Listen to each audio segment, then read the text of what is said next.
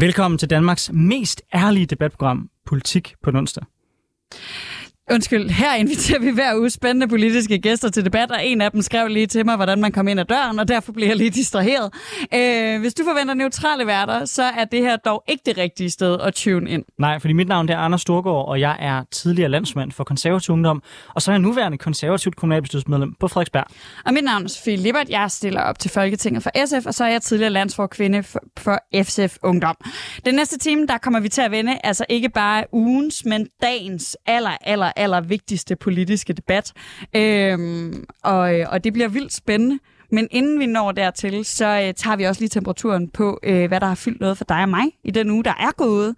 Øh, så jeg vil gerne starte med at høre, øh, hvad har du lagt mærke til, Anders? Jamen for at være ærlig, det er ikke noget, der har fyldt særlig meget for mig den her uge. Det var egentlig lidt en jagt på at finde et eller andet, fordi de store emner, det er det, vi diskuterer i dag, nemlig forsvarsforbeholdet og i øvrigt Ukraine, som jeg altid hiver op. Men i dag har jeg taget lidt sådan en sjov historie med for mig at se, som handler om et, øh, øh, et, øh, et, et, et bal-show, der skulle have været her i København, baseret på et Shakespeare-støtte, der hedder Othello. I, i Othello, som er sådan et en gammel stykke skrevet af Shakespeare, der følger man en nordafrikaner, som kommer i venetians tjeneste, og hans Øh, hvad kan man sige, kamp både med de øh, fordomme, der er mod ham som mor, øh, og, og øh, ja, i virkeligheden indbygget øh, racistiske øh, diskriminationssituationer, som han er ude i, og hans øh, ulykkelige forelskelse i en øh, hvid aristokratisk kvinde øh, fra øh, Venedig. Øhm, og det stykke skulle have været fremført i København, men på grund af massive protester, på grund af en scene, øh, der er i det show, øh, hvor der netop er tale om racisme, fordi det er også det, der er det underspillet i, i Ivan showet, der har man valgt at måtte aflyse showet, fordi at øh, ham, der har skrevet øh, den, den, hvad kan man sige, det stykke, der er blevet tilpasset til, til ballstykket, han nægtede at ændre i den man scene. Så det vi er ude i her, det er en sag, hvor det i virkeligheden er et antiracistisk show, en af de aller, aller, aller første øh, steder, hvor man i, i øh, vestlig sådan, kulturel historie kritiserer de problematikker, der kan være i forhold til, at folk bliver udsat for racisme. Det bliver anklaget for racisme, fordi det udstiller racisme, og nu må showet så blive aflyst. Jeg synes ikke, det er verdens vigtigste historie, men jeg synes, det siger noget om, at vi er begyndt nu at blive så omtålige i forhold til de her spørgsmål, at det bliver svært selv at lave et show, skrevet af Shakespeare, der netop handler om, hvorfor racisme kan være problematisk, og som faktisk gør det modsatte af at udstille, at, at racisme er godt. Det er et problem, fordi så kan vi ikke tage de her debatter på en ordentlig måde. Mm, altså, jeg, jeg tror sgu ikke, vi mangler øh, kultur, øh, der udstiller racisme som sådan. Øh, jeg tror, jeg tror, den her debat Øhm, jeg har ikke øh, læst særlig meget om den, og, og derfor øh, kommer jeg med alle mine fordomme fra alle debatter, jeg nogensinde har været vidne til før den, at hvis det, man dykker ned i det, så ligger der typisk lidt mere bag, end at nogen har sagt, at de ikke vil have den her scene. Øhm, jeg tror, at der er en værdi i, at den måde, vi behandler øh, gammel kultur, øh, også kultur med gode budskaber, der findes mange. Altså mit indtryk er heller ikke, at, at noget som for eksempel Pippi har til til hensigt øh, at udskamme andre kulturer. Jeg oplever faktisk, at, at den i sin samtid forsøgte at male et billede af, at, at den måde, man levede på andre steder i, i Sverige, øh, kunne en masse. Men det ændrer jo ikke på, at det er øh, syngende racistisk i, i, øh, i en nutidskontekst, at hendes far, øh, at hendes far bliver, bliver konge af nogle sorte mennesker øh, langt væk. Øhm, og jeg tror, altså når vi har de her jeg er glad for, at du siger, at det ikke er verdens vigtigste debat, debat fordi jeg tror, det vigtige i de her sådan, kulturelle ting, det er jo netop, altså jeg, jeg synes også, det er uinteressant at lave en genopførsel af et Shakespeare-show, hvis ikke man har reflekteret over det. Øh, jeg har set ekst- jeg ser ekstremt meget teater, jeg har set ekstremt mange Shakespeare-stykker og nyfortolkninger. Jeg synes, det er enormt interessant. Jeg har senest været inde og se Romeo og Julie.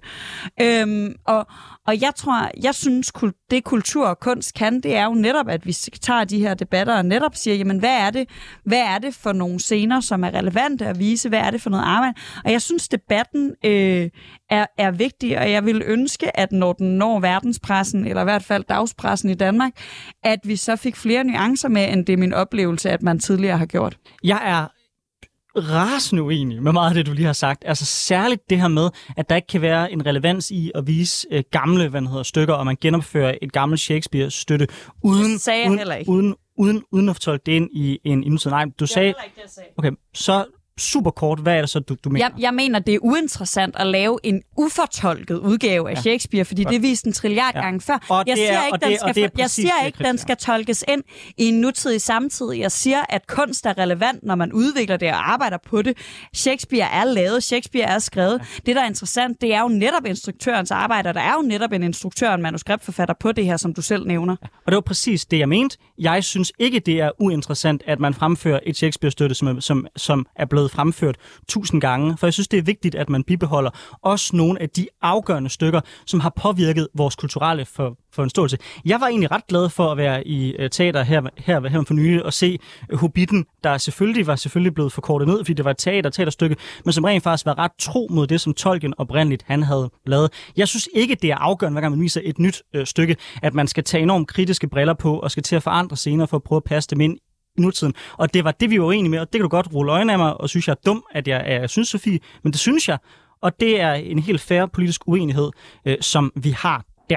Som vi ikke har, fordi jeg mener, som sagt har jeg lige været inde til Romeo og Julie, den er ikke fortolket ind i nogen ny kontekst, men det er en ny oversættelse, som er enormt interessant, ud fra hvordan vi kigger på jamen, både det sproglige, men også i hvordan man fortolker, fordi Shakespeare jo er skrevet på en meget speciel øh, digtform, hvor man har forsøgt at bevare det i den danske oversættelse på en ny måde.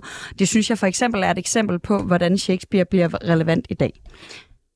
Ja, jeg tror, vi diskuterer det øh, meget længere, men øh, vi skal også springe videre til, hvad du er gået op i ugen, der er gået. Jamen, jeg er vanvittigt glad for, at SAS har tabt øh, en frygtelig masse penge, og det er jeg ikke, øh, fordi jeg synes egentlig, SAS er et nice flyselskab i forhold til så mange andre flyselskaber. Øh, men jeg synes, der er øh, ligger en forhåbentlig debat om, hvad vi gør, når flyselskaber og andre forurenende industri- industrier lige nu bliver enormt presset af, at for eksempel benzin er ekstremt dyrt. Øh, og det er især det, der er skyld i, at SAS taber penge lige nu, det er, at det er ekstremt dyrt for dem at flyve, og de indtil videre ikke har reguleret på priserne. Det varsler de så, at de vil gøre nu, og jeg synes egentlig, at vi skal, apropos den debat, vi havde tidligere, prøve at udnytte nogle af de udviklinger, der er i den danske og i verdensøkonomien lige nu, til at, øh, at rykke noget forbrug fra, fra sort til grøn. Et eksempel er også noget, du har talt om mange gange før, i at vi skal prøve at finde en måde at lave noget grønnere brændstof. Det her er jo en oplagt chance for at gøre det, fordi oliepriserne stiger helt vildt. Øh, Øh, og jeg tror, at, at min, min ambition er, at, at vi holder op med at se enhver øh, økonomisk udfordring for store selskaber som noget, vi skal redde dem fra, men ser det som en, en mulighed for at omstille vores samfund og for eksempel flyve mindre, men også få sat skub i, i processen i retning af at finde en grønnere måde at flyve på. Ja, det er da, det er da helt, helt enig med dig i, og hvis, øh, hvis det der ender med at blive den politiske løsning, der man tror, man skal komme og redde øh, SAS ved at komme med en masse milliarder for at prøve at bælge dem ud, så er det bestemt heller ikke nogen, øh, nogen løsning, som jeg øh, støtter. Så kan man selvfølgelig altid argumentere for, at der er en fordel at vi har et flyselskab i Danmark. Ja, det er der jo, det er der jo, det er der jo nok, men hvis der er en fordel ved, at vi har et flyselskab i Danmark, så skulle det jo netop være fordi, at de er markant grønnere og dermed bedre end deres, end deres konkurrenter, og ikke fordi de kan konkurrere øh, med Ryanair på prisen. Det er helt enig, og der er en kæmpe risiko for, at, at SAS netop bliver bailet ud, fordi det jo er, er i langt høj, i rigtig høj grad statsejet, og jeg tror også, det er derfor, jeg, jeg, jeg synes, vi skal øh, gøre noget for at puste gang i en debat om det her, i stedet for bare at, at sige, jamen, jamen, så må vi jo redde dem lidt, ligesom vi reddede bankerne under finanskrisen, og, og, og egentlig også reddet SAS under øh, coronakrisen, hvor folk af gode grunde holdt op med at flyve.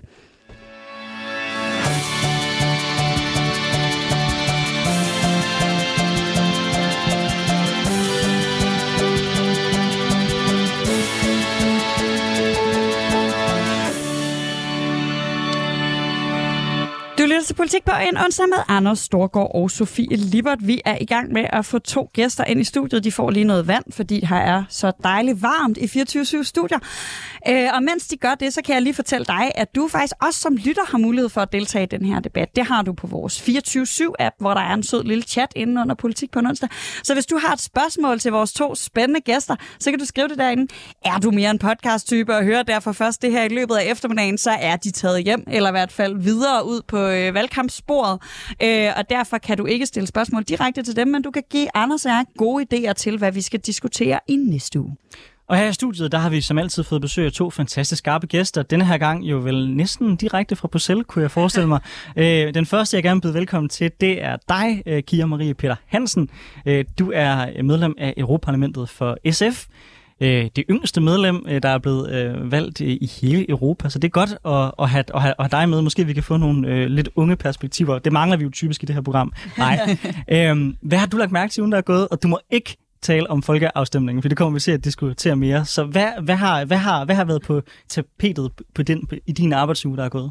Øhm, jamen, vi har jo øh, lavet en øh, sanktionspakke over for øh, Rusland og for Putin igen, hvor vi cutter to tredjedel af den russiske olie. Øh, så det diskuterer vi rigtig meget. Vi er jo ikke kommet så langt, men, øh, men har i hvert fald gjort et skridt. Og så er vi jo også i gang med at forhandle klimapakken færdig.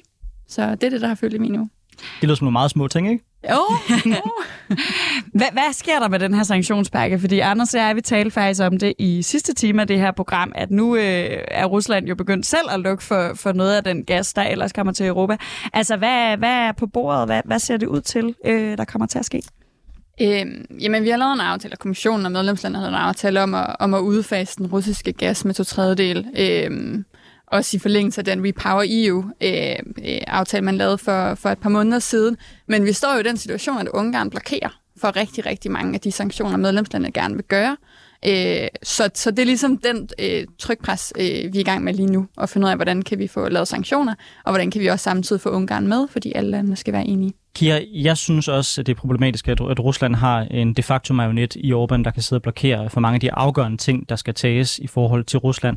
Men noget, jeg nogle gange bliver lidt forundret over, det er, hvorfor er det, at de europæiske lande så ikke går sammen bilateralt og så siger, mm, okay, det kan godt være, at Ungarn ikke er med, men så alle os andre, så sørger vi for at lave en sanktionspakke, hvor vi går sammen. Fordi jeg føler også, nogle gange så bliver det også politisk, at de nationale regeringer brugt som sådan lidt en undskyldning til ikke at foretage sig noget. At det er bedre, at det ligger nede ved EU, og nede i EU, der blokerer Orbán. Mm. Altså det, er jo, øh, det kan man jo også, og man kan sige, at det bliver jo nok også mere end to tredjedel af importen, fordi der også er lande, der, der selv har valgt at lave sanktioner.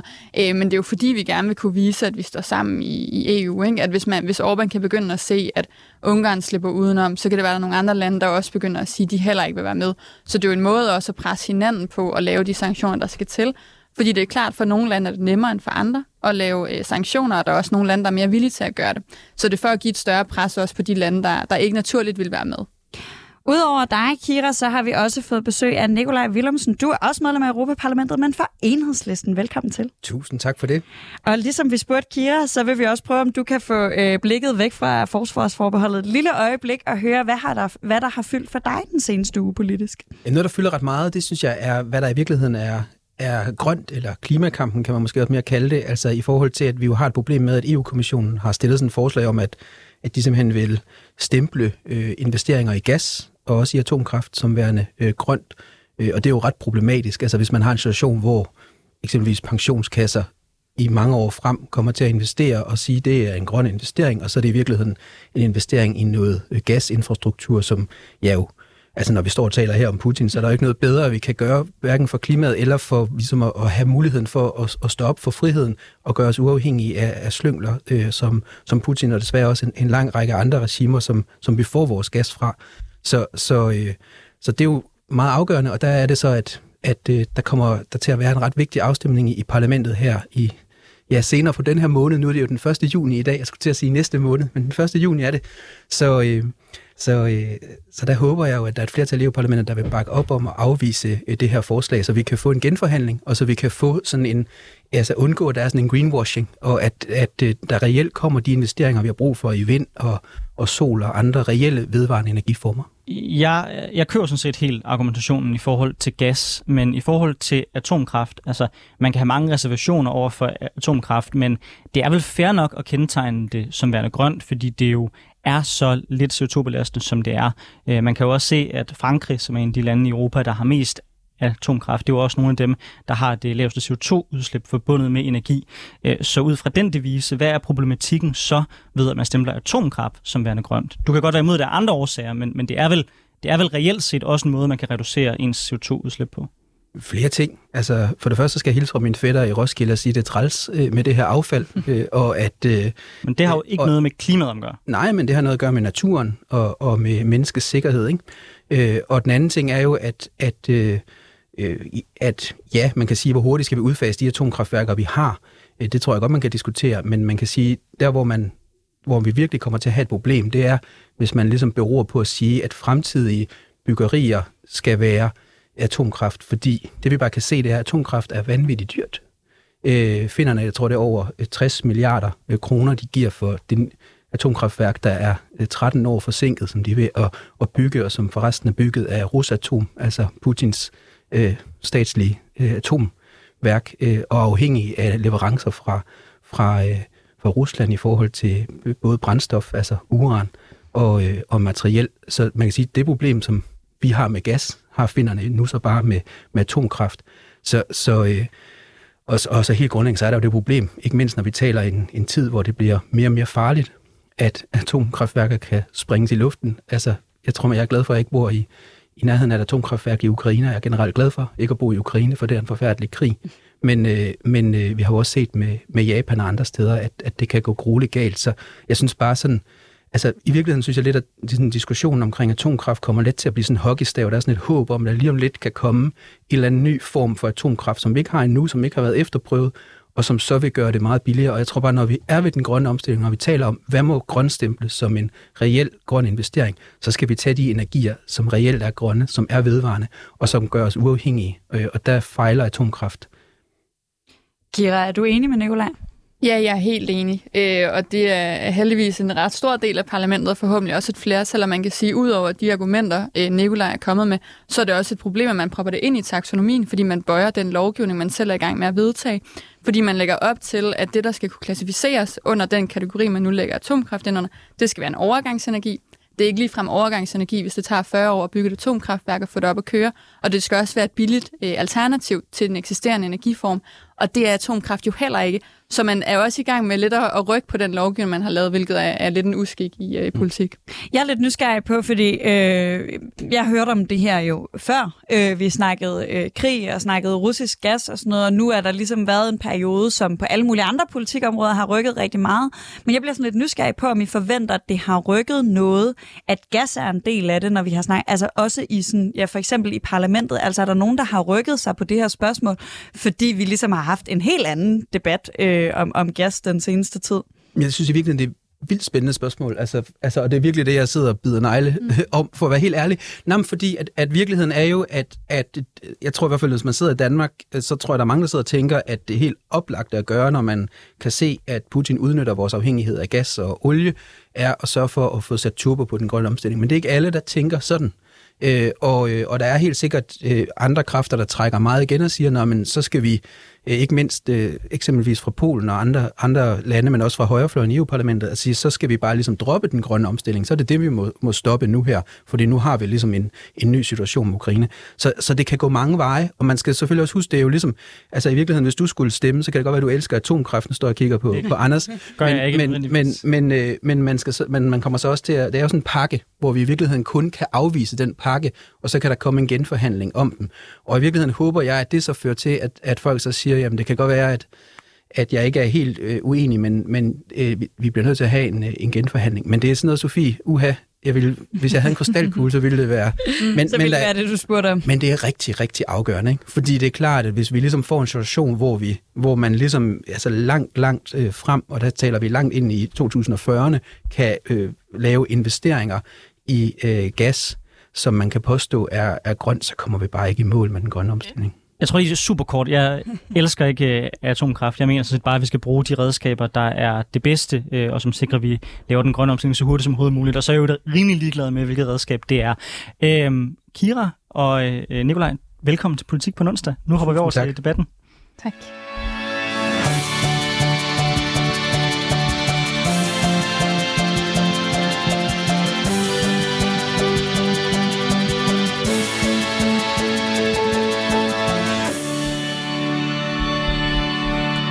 Du lytter til Politik på en onsdag med Anders Storgård og Sofie Lippert. Vi har i dag besøg af Kira Marie Peter Hansen, der er medlem af Europaparlamentet for SF, og Nikolaj Willumsen, der er medlem af Europaparlamentet for Enhedslisten. Ja, og i dag der enten skal vi, eller også så har vi været ved stemmeurene og sætte kryds ved enten ja eller nej til at afskaffe Danmarks forsvarsforbehold. Et forbehold, der blev indført i starten af 90'erne, og som kun Danmark har. Forbeholdet for forsvarssamarbejdet er et af de fire danske for, øh, forbehold.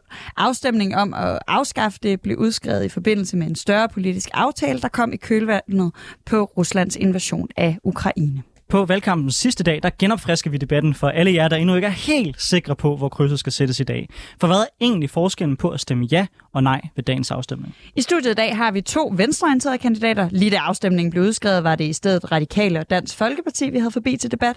Et af de primære argumenter for Dansk Folkeparti dengang og gennem hele valgkampen har været, at vi har nok i vores NATO-samarbejde. Så Kira Marie Peter Hansen, med det lange, flotte navn. Øh, hvorfor har vi overhovedet brug for at afskaffe forsvarsforbeholdet? Er vores nuværende arbejde i NATO og FN ikke nok til at sikre Danmarks sikkerhed? Det er givetvis nok til at sikre Danmarks sikkerhed, men for mig så er det her spørgsmål også større end Danmarks sikkerhed. Altså for mig så handler det især om situationen på Balkan og i Europa generelt. Ikke, ikke i EU-landene som sådan, men Europa som kontinent. Øh, og der ser vi jo, at USA gentagende gange siger, at de gerne vil have, at Europa skal gøre mere selv.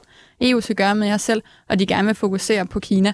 Øh, så i det lys synes jeg, at det giver mening på, at vi har et forsvarssamarbejde i EU, men også at Danmark er med i det, fordi jeg mener, det er der, hvor vi kan tage ansvar. Hvis jeg nu var en person, der synes, det er positivt, at vi samarbejder tæt med USA, øhm, skal jeg så i virkeligheden være bekymret for at stemme ja? Fordi det, du taler om her, det er jo i virkeligheden en eller anden, en, en eller anden form for strategisk autonomi øh, for i, i Europa. Altså potentielt set, at man ligesom går hver sin vej, øh, USA og EU.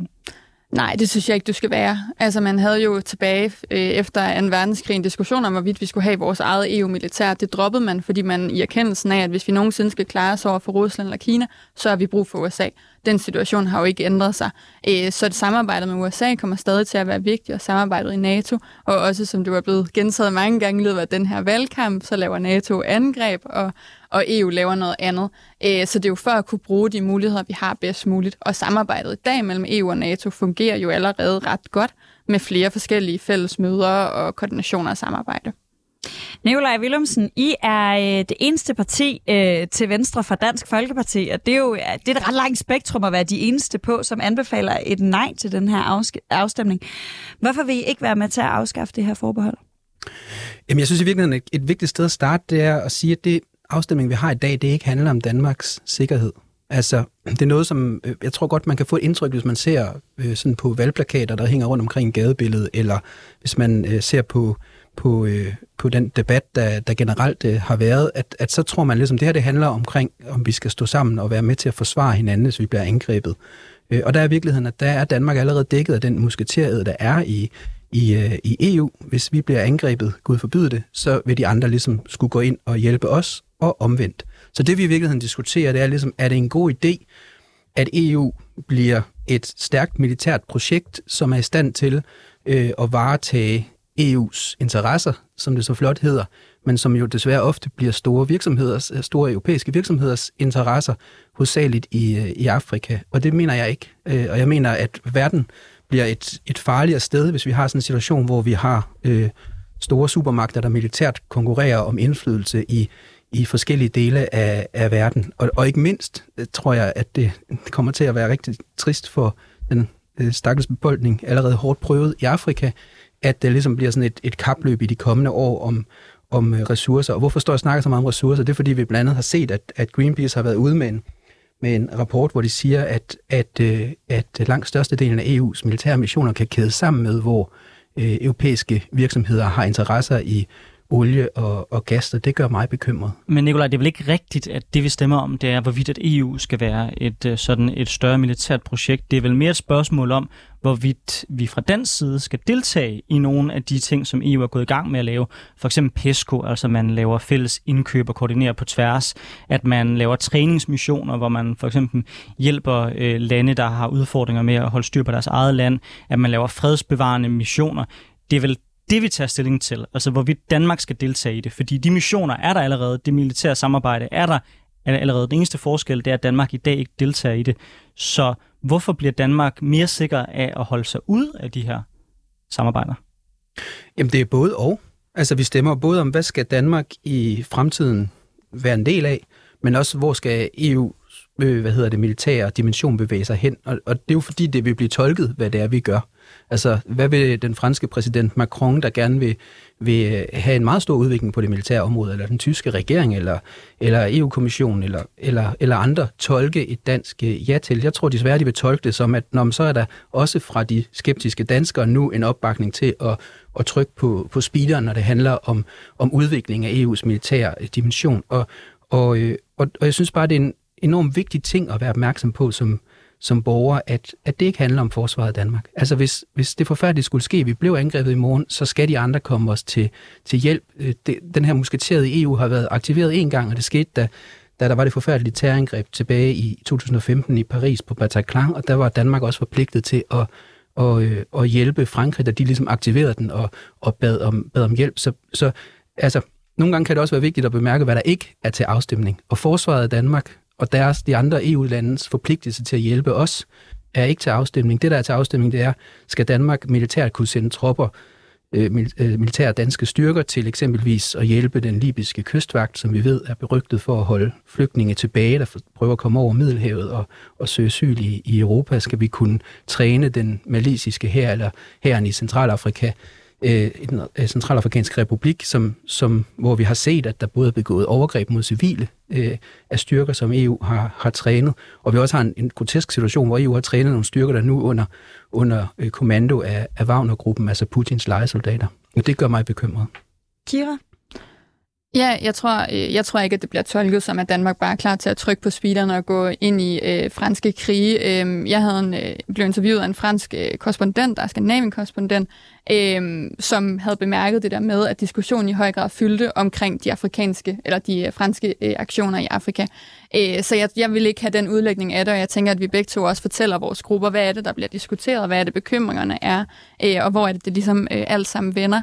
Øh, og så i forhold til diskussion om det her med, med at beskytte fossilindustrier, for jeg kan se, at det er jo blevet øh, hovedargumentet i jeres valgkamp, og det er jo også ret øh, taktisk klogt at gøre det her til klimavalg.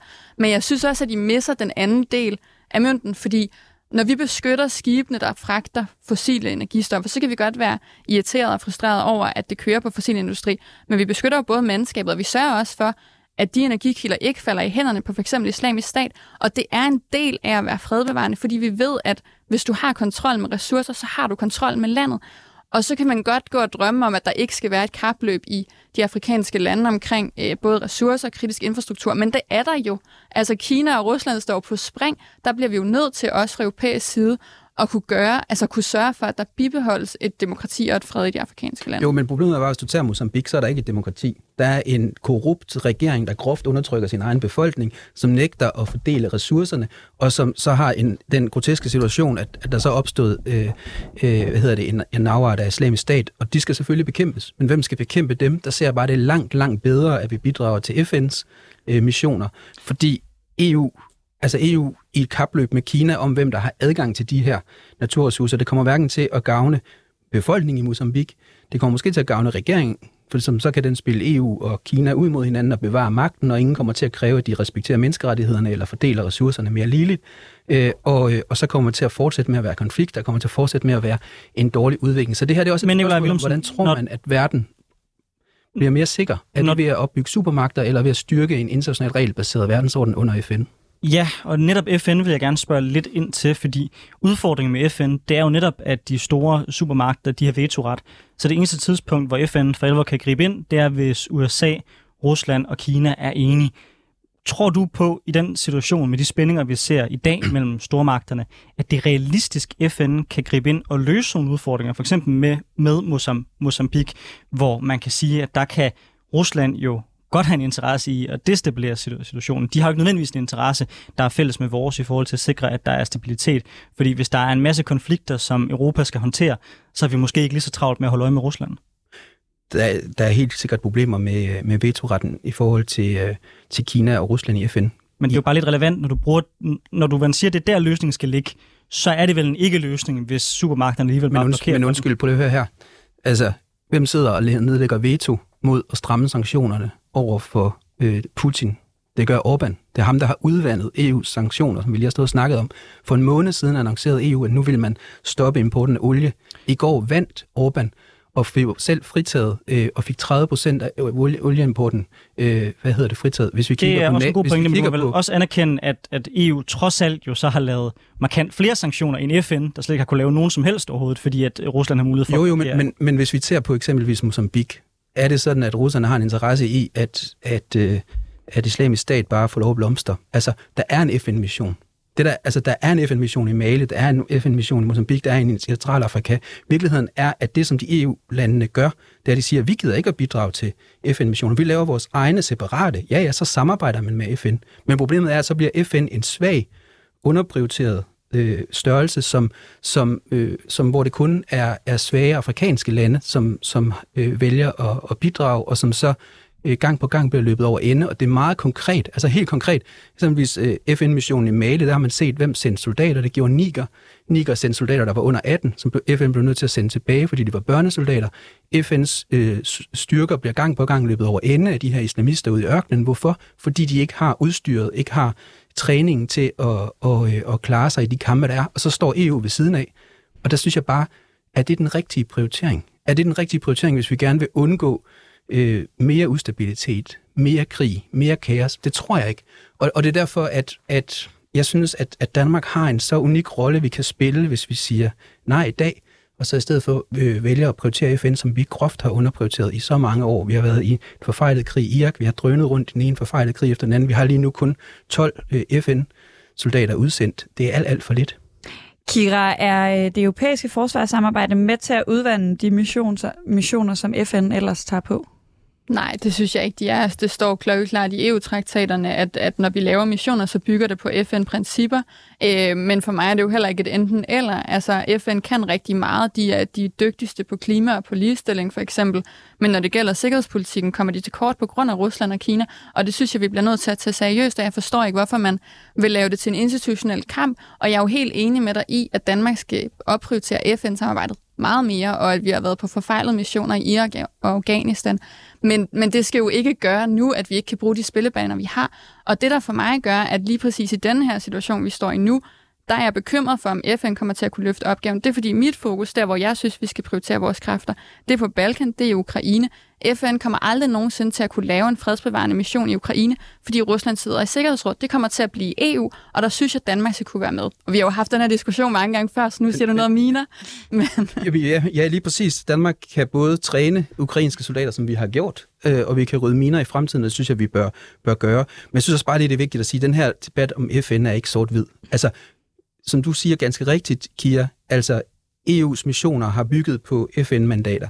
Og medmindre man vil ændre på det i fremtiden, altså begynde at føre krig udenom FN, som man eksempelvis gjorde i Irak, fra EU's side, hvilket jeg kraftigt vil advare imod, så, så er det en falsk modsætning at sige, at, at uh, uha, der er problemer i FN, så derfor skal vi lægge uh, alle uh, æg eller nogle æg over i, i EU, i stedet for at prøve på at, at styrke FN uh, og en regelbaseret verdensorden, fordi så kommer EU's missioner til at bygge på, at der har ligget et, et, et, et mandat. Og så tror jeg... Super kort, var det ikke en modsætning, du selv satte op? Du sagde jo reelt set, at hvis man fik det her europæiske samarbejde, så kunne, ville det ske på bekostning af FN. Det er fordi, du kan ikke sende soldater to steder hen. Altså, jeg har siddet i Folketinget, hvor at Danmark under Ville Søvndal, da han var udenrigsminister, blev spurgt, kan I sende soldater til Golan, så vi kan holde israelerne og Assad-regimet og dermed iranerne fra at ryge totterne på hinanden, øh, og dermed undgå en, en stor krig i Mellemøsten. Hvad var svaret? Nej, vi er travlt med at føre krig i Afghanistan, som vi så lige tabte for nylig.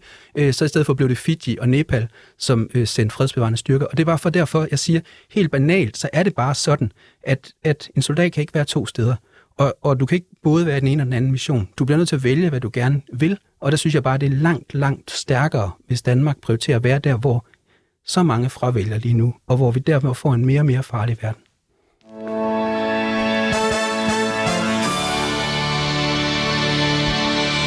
Ja, du lytter til Politik på en onsdag med Anders Thorgård og Sofie Libert, hvor vi har besøg af Kira Marie Peter Hansen, medlem af Europaparlamentet for SF, og Nikolaj Willumsen, der er medlem af Europaparlamentet for Enhedslisten. I anledning af valgdagen i dag debatterer vi selvfølgelig forsvarsforbeholdet. Et af de store kritikpunkter fra nej-siden er, at en stor del af EU's forsvarssamarbejde i virkeligheden handler om militære operationer i Afrika. Nikolaj Willumsen, du siger den 28. maj til politikken. Man kan i hvert fald sige, at et nej betyder, at vi er skærmet mod at deltage i de operationer, som EU laver militært. Men er det virkelig os, der er skærmes øh, fra at deltage i de operationer? Vil det ikke være bedre, hvis vi melder os ind i samarbejdet og prøver at forhindre eller ændre de her operationer? Altså helt seriøst, jeg, tror, det er meget naivt at forestille sig, at øh, hvis der bliver stemt ja i dag, så er det første Morten Bødskov, han går ned og gør det, er at sparke døren ind, og så sige til Frankrig og Tyskland, at ja, drop jeres militære ambitioner i Afrika, kære venner. Øh, nu, øh, nu, skal vi, øh, nu skal vi slet ikke øh, prøve på at holde flygtninge tilbage i Libyen. Nu skal vi slet ikke prøve på at holde øh, forskellige korrupte øh, regimer ved magten øh, i, i afrikanske lande. Det tror jeg ikke kommer til at ske.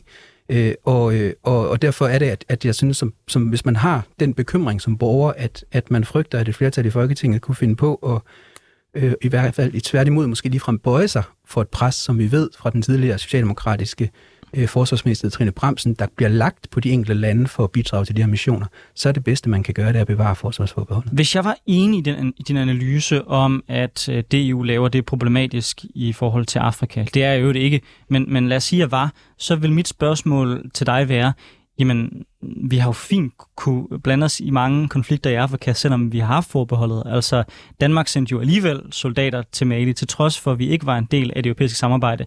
Så er det ikke tilsvarende naivt at tro, at vi bliver holdt ude af konflikter i Afrika af forbeholdet, når vi jo konstant har blandet os i dem alligevel? Jamen, prøv her. Danmark har blandt andet faktisk bidraget til nogle af FN's fredsbevarende missioner, både i Centralafrika og, og i Mali, og det synes jeg er en god idé, og det synes jeg, vi burde gøre meget mere. Og, og jeg har også helt konkret siddet og stemt for øh, deltagelse. Det stod på Folketingets talerstol og talt for, at vi skulle gøre det. Så, så, så altså, det er jo også det, jeg helt konkret står og siger her. Jeg, jeg er bekymret for det, vi kommer til at ske, se i fremtiden. Det er, at i stedet for at bakke op om de her FN-missioner, som, som mangler veludrustede, veluddannede øh, styrker, øh, så kommer vi til at, at lægge vores, øh, vores indsats i, i EU's militære operationer, som, som jeg bare ikke tror, altså som er rigtig godt, hvis man gerne vil have, at EU er en, af en, af en stærk militær magt, men som jeg ikke tror kommer til at gavne hverken øh, en fredelig udvikling eller stabilitet i Afrika.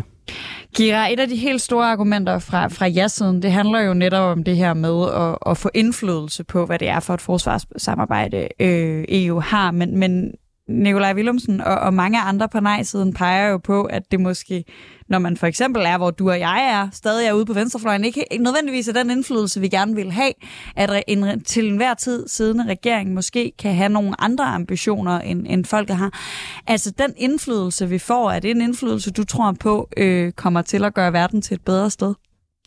Ja, til dels. Altså helt grundlæggende, så tror jeg på, at EU er vores bedste mulighed for at skabe fred og stabilitet i verden. Øh, og så øh, synes jeg, at FN er rigtig, rigtig vigtig, men når det gælder sådan forholdet mellem for eksempel EU og NATO, så tror jeg på, at det er EU, der kan spille en rolle, hvor jeg bedst ser Danmarks forsvars- og udenrigspolitik øh, ligge. Øh, jeg tror ikke, at vi kommer ned, og så ændrer vi det hele. Øh, men jeg tror, hvis vi formår at lave nogle alliancepartnere, jeg synes, vi i den her øh, valgkamp har haft nogle gode diskussioner. Hvad er det for en forsvars-, udenrigs- og sikkerhedspolitik, vi gerne vil? Øh, jeg kigger øh, meget misundeligt på Sverige, som har en feministisk udenrigspolitik. Det tror jeg ikke nødvendigvis er noget, Morten Bødskov kommer til at prioritere. Ah. Men jeg tror, vi kan være med til at presse i en rigtig retning, fordi vi faktisk er rigtig gode til at prioritere inddragelse af civilsamfund, øh, konfliktmaling, kvinders rettigheder i konfliktområder. Øh, så, så det tror jeg, vi kan, og selv hvis vi selv hvis det ikke bliver så stort, som jeg gerne ville ønske, så det er jo det, demokratiet er. Altså det handler for mig at se helt grundlæggende om at være med i de forer, hvor at, at vi naturligt hører til, og hvor vi kan spille en rolle. Og jeg synes, Nikolaj, at, at du kommer udenom, når det handler om Europas sikkerhed. Fordi jeg er enig med dig i, jeg synes, hvis vi skal tage på ture i Afrika, så skal vi gøre det på FN-mandater, og helst også i FN. Men, men for mig at se, er det bare kun en lille bitte del af forsvarsforbeholdet. For mig så handler det især, og jeg har nævnt det for dig en milliard gange, om Europas sikkerhed, om Ukraine og om Balkan, hvor FN og NATO ikke kommer til at kunne spille en rolle. Og der forstår jeg ikke, hvorfor I ikke vil have, at Danmark er med i det samarbejde. Men, ja. Men bare lige sådan for at svare på det. Altså for det første, Danmark træner ukrainske soldater har gjort det længe i regi af NATO. Så, så der kan vi være med. Danmark kunne, som enhedslisten har foreslået, i morgen sende minerydere til Bosnien. Det har regeringen afvist. Altså, vi har sådan lidt en situation, hvor altså sågar i Bosnien har man i, lukket den danske ambassade i, i øh, Sarajevo, sådan at den, den danske diplomatiske kontakt til Bosnien går gennem ambassaden i Serbien, hvor vi ved, at Putin har nogle gode venner, som er med at destabilisere Republika Serbska inde i Bosnien. Altså, man kunne også bare lige starte med at gøre sådan nogle helt simple ting, frem for at fjerne et forbehold, som når vi først engang har fjernet det, som vi forhåbentlig ikke gør, så får vi det øh, aldrig nogensinde øh, igen, og hvor der så kan komme en situation, hvor vi kan blive presset ud i nogle militære operationer, som vi ikke ønsker. Så, så jeg, synes, jeg synes, at ja, jeg synes, det er en rigtig god idé at bevare forsvarsforbeholdet. Jeg frygter konsekvenserne af, hvis vi afskaffer det. Kira, jeg vil gerne spørge ind til noget andet. Øh, underliggende bag hele det her spørgsmål om militære operationer i Afrika, der er jo i virkeligheden spørgsmålet om, hvorvidt vores interesser, at de er ens med den kurs, der vil blive lagt i EU. Øh, argumentet vil jo typisk lyde, at øh, Frankrig har rigtig stor indflydelse, særligt på det militære samarbejde, og de har et helt andet fokus, end vi har i Danmark. Vi er måske meget fokuseret på, hvad der sker i Ukraine. Vi er måske meget fokuseret på Arktis, hvorimod at den vej, som Frankrig kigger, det er mod Afrika. Er du ikke bekymret for, at hvis Danmark kommer ind i det her samarbejde som et lille land, med jo et ret lille militær, at, at vi vil blive spændt for en vogn, som vi simpelthen bare ikke har fælles interesse med? Nej. Nej. øh, nej, det er jeg ikke. Altså, der er øh, 26 lande i det her samarbejde. Det er jo ikke, fordi de alle sammen er spændt for Frankrigs vogn i dag. Øh, det er jo de færreste af de østeuropæiske lande, som er med på de missioner. Når vi kigger på dem, så er det jo et gennemsnit på halvdelen af landet, der er med i en given mission, og nogle helt ned til 9-10 lande. Men dem, der har været drivende for det militære samarbejde i EU, det har jo været aksen mellem Frankrig og Tyskland. Øh, hvorimod at de mindre stater har selvfølgelig været med, men ikke i lige så høj grad har engageret sig i det spørgsmål. Det har været meget der, noget, der er skubbet frem af Frankrig og Tyskland. Deres udenrigspolitik er jo en markant anden udenrigspolitik end den, vi har i Danmark. Så du har helt ret i, de er ikke tvunget med på missionerne, men de er jo alligevel en del af et samarbejde, hvor Tyskland og Frankrig ligesom svinger takstokken.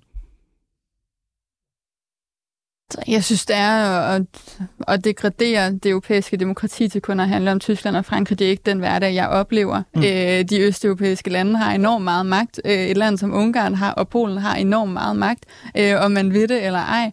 Øh, og jeg tror heller ikke på, at et dansk folketing kommer til at prioritere de afrikanske missioner over situationen på Balkan og i Europa.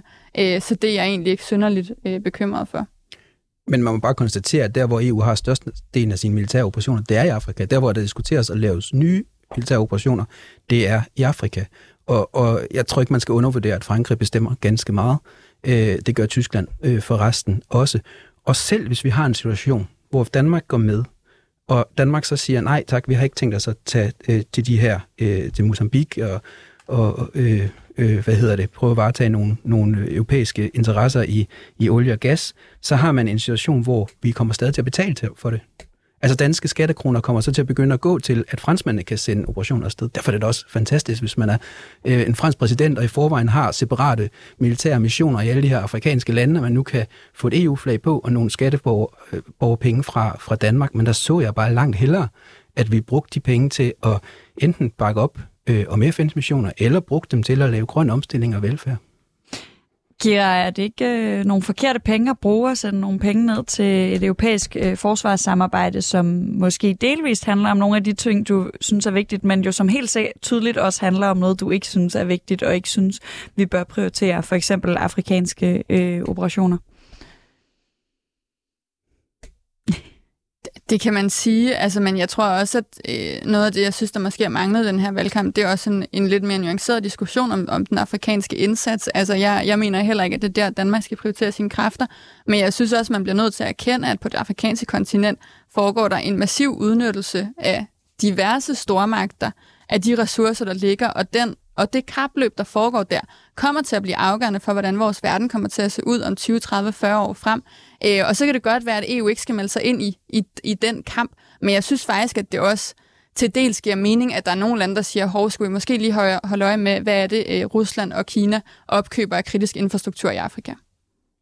Men det skal vi da helt sikkert. Det er da vildt problematisk, og det bedste, vi kan gøre, det er at bakke op om en demokratisk udvikling, støtte civilsamfund, øh, støtte, øh, at der bliver lavet nogle ændringer i den handelspolitik, hvor man lige nu fra EU's side jo desværre øh, ret groft udnytter de afrikanske mm. lande, tager deres øh, res- mm. naturressourcer og, og, øh, og hvad hedder det, øh, dumper øh, vores, øh, vores landbrugsvarer, med, hvor det jo stadig er sådan, at, at øh, det største budgetpunkt på EU's øh, budget med over 2.000 milliarder i de kommende år, det er øh, landbrugsstøtte, mm. vi ved skader udviklingen i Afrika. Så det bedste, vi kan gøre, det er jo, det er jo på den måde at gøre dem stærke. Men man må bare sige, når man kigger på, på Frankrig, altså hvis man ser sådan nogle fester ved den franske præsident, så sidder der jo den ene øh, afrikanske despot efter den anden, som har en forfærdelig øh, track record i overholdelse af menneskerettigheder.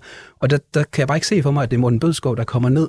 Øh, og al respekt, øh, jeg bor i Herlev, han bor i, i Rødovre, det er ikke noget mod øh, folk i Rødovre, men, men jeg tror bare, øh, eller Socialdemokrater generelt, men jeg tror bare ikke, at, at det lige pludselig bliver sådan, at så kommer Danmark ned og for første gang introducerer man nedlægger veto, for det skal man også bare huske, der er ikke blevet nedlagt veto, men Danmark sidder med ved bordet i dag. Danmark kan sige På hver eneste forsvarsministermøde kan vi tage ordet og sige, det er en rigtig dum idé, det her gang i Mozambique. Vi kommer bare ikke til at betale til det, og vi kommer ikke til at sende danske soldater ud, og det er derfor, det er så godt at have forsvarsforbeholdet.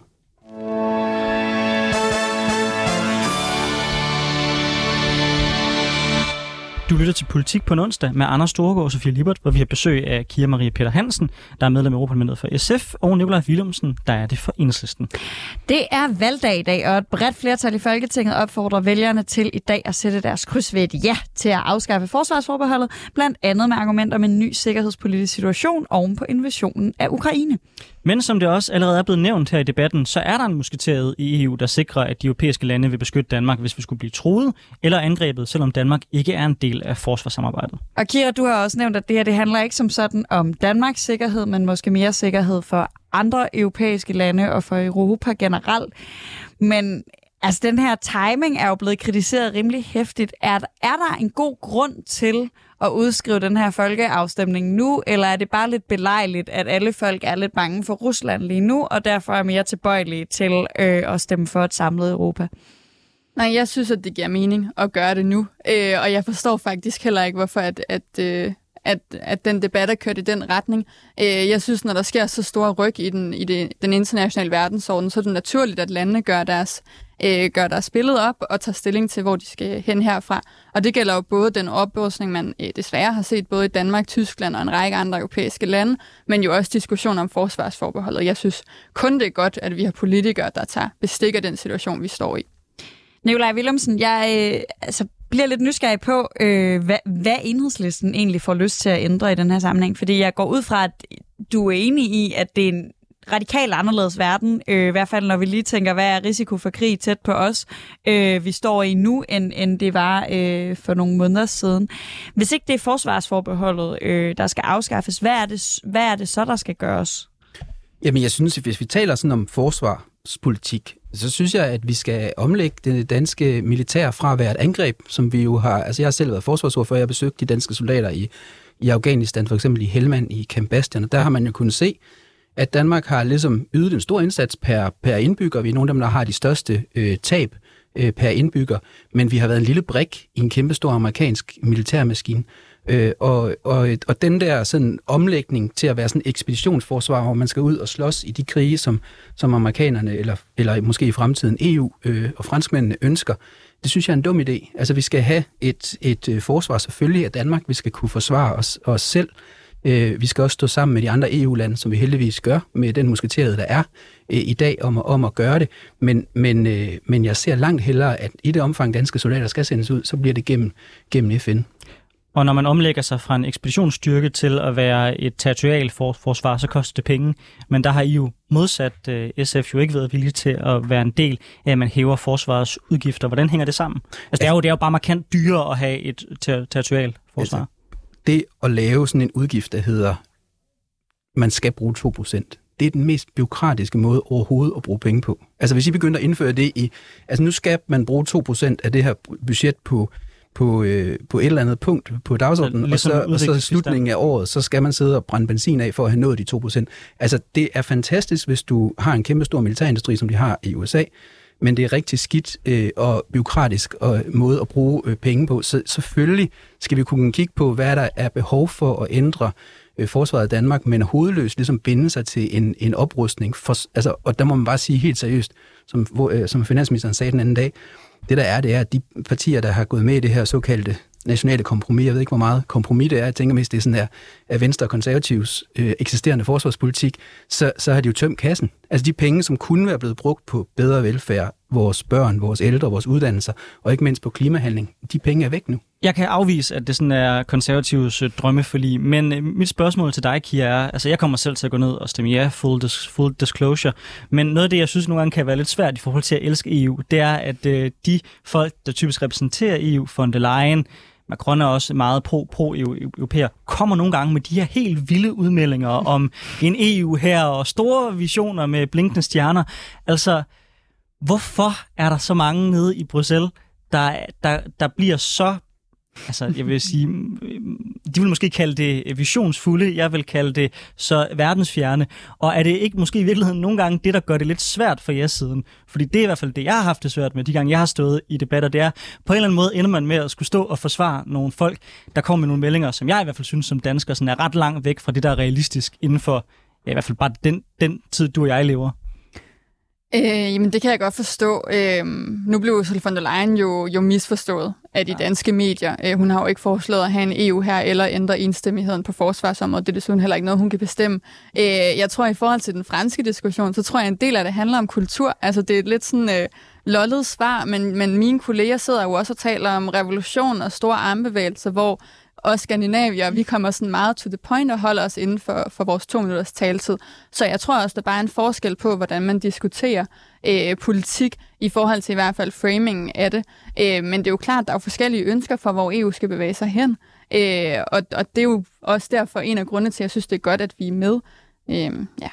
Og apropos to minutters taletid, så har vi cirka to minutter tilbage af den her debat, og jeg har sådan lyst til at spørge efter, fordi nu har Kira nævnt flere gange, I har godt nok øh, tærsket igennem den her debat. Jeg har sådan lyst til at spørge jer, hvad I synes modstanderens bedste argument er. Måske ikke nødvendigvis hinandens, men, men hvis der skulle være et argument fra ja-siden, som du faktisk synes er et godt argument, Nikolaj, hvad er det så? Hvis man har åbnet børsen i dag, så er, bliver jeg interviewet, øh, og det er, hvor jeg ligesom øh, øh, diskuterer øh, med, øh, hvad hedder det, dansk militærindustri, som synes, det er helt fantastisk, hvis vi afskaffer forsvarsforbeholdet, fordi så ser de en masse øh, kolde øh, kontanter, der kan ryge i, i deres retning. Og, og det er klart, hvis du ligesom er militærindustrien og, og gerne vil have en, en adgang til nogle midler, så kan det da være fantastisk forsvarsforbehold. Hvis du er, gerne vil hellere have, at vi prioriteret at lave noget klima, noget velfærd og noget fredelig Nikolaj, nu, nu, nu har vi, nu har vi ikke så lang tid, du, du kommer lidt udenom spørgsmålet her, fordi det er jo ikke i virkeligheden et, et pænt argument om din modpart. Det, er, det, det var er, ikke det er jo... Kia, det var ikke. Jeg har aldrig hørt nej, nej. sige den slags. Det var bare, det er bare en aktuel øh, diskussion, der men kører i børsen i dag. Hvor jeg har enhedslisten virkelig ikke nogen steder, hvor de synes, at det er positivt, at vi har et europæisk øh, forsvarssamarbejde?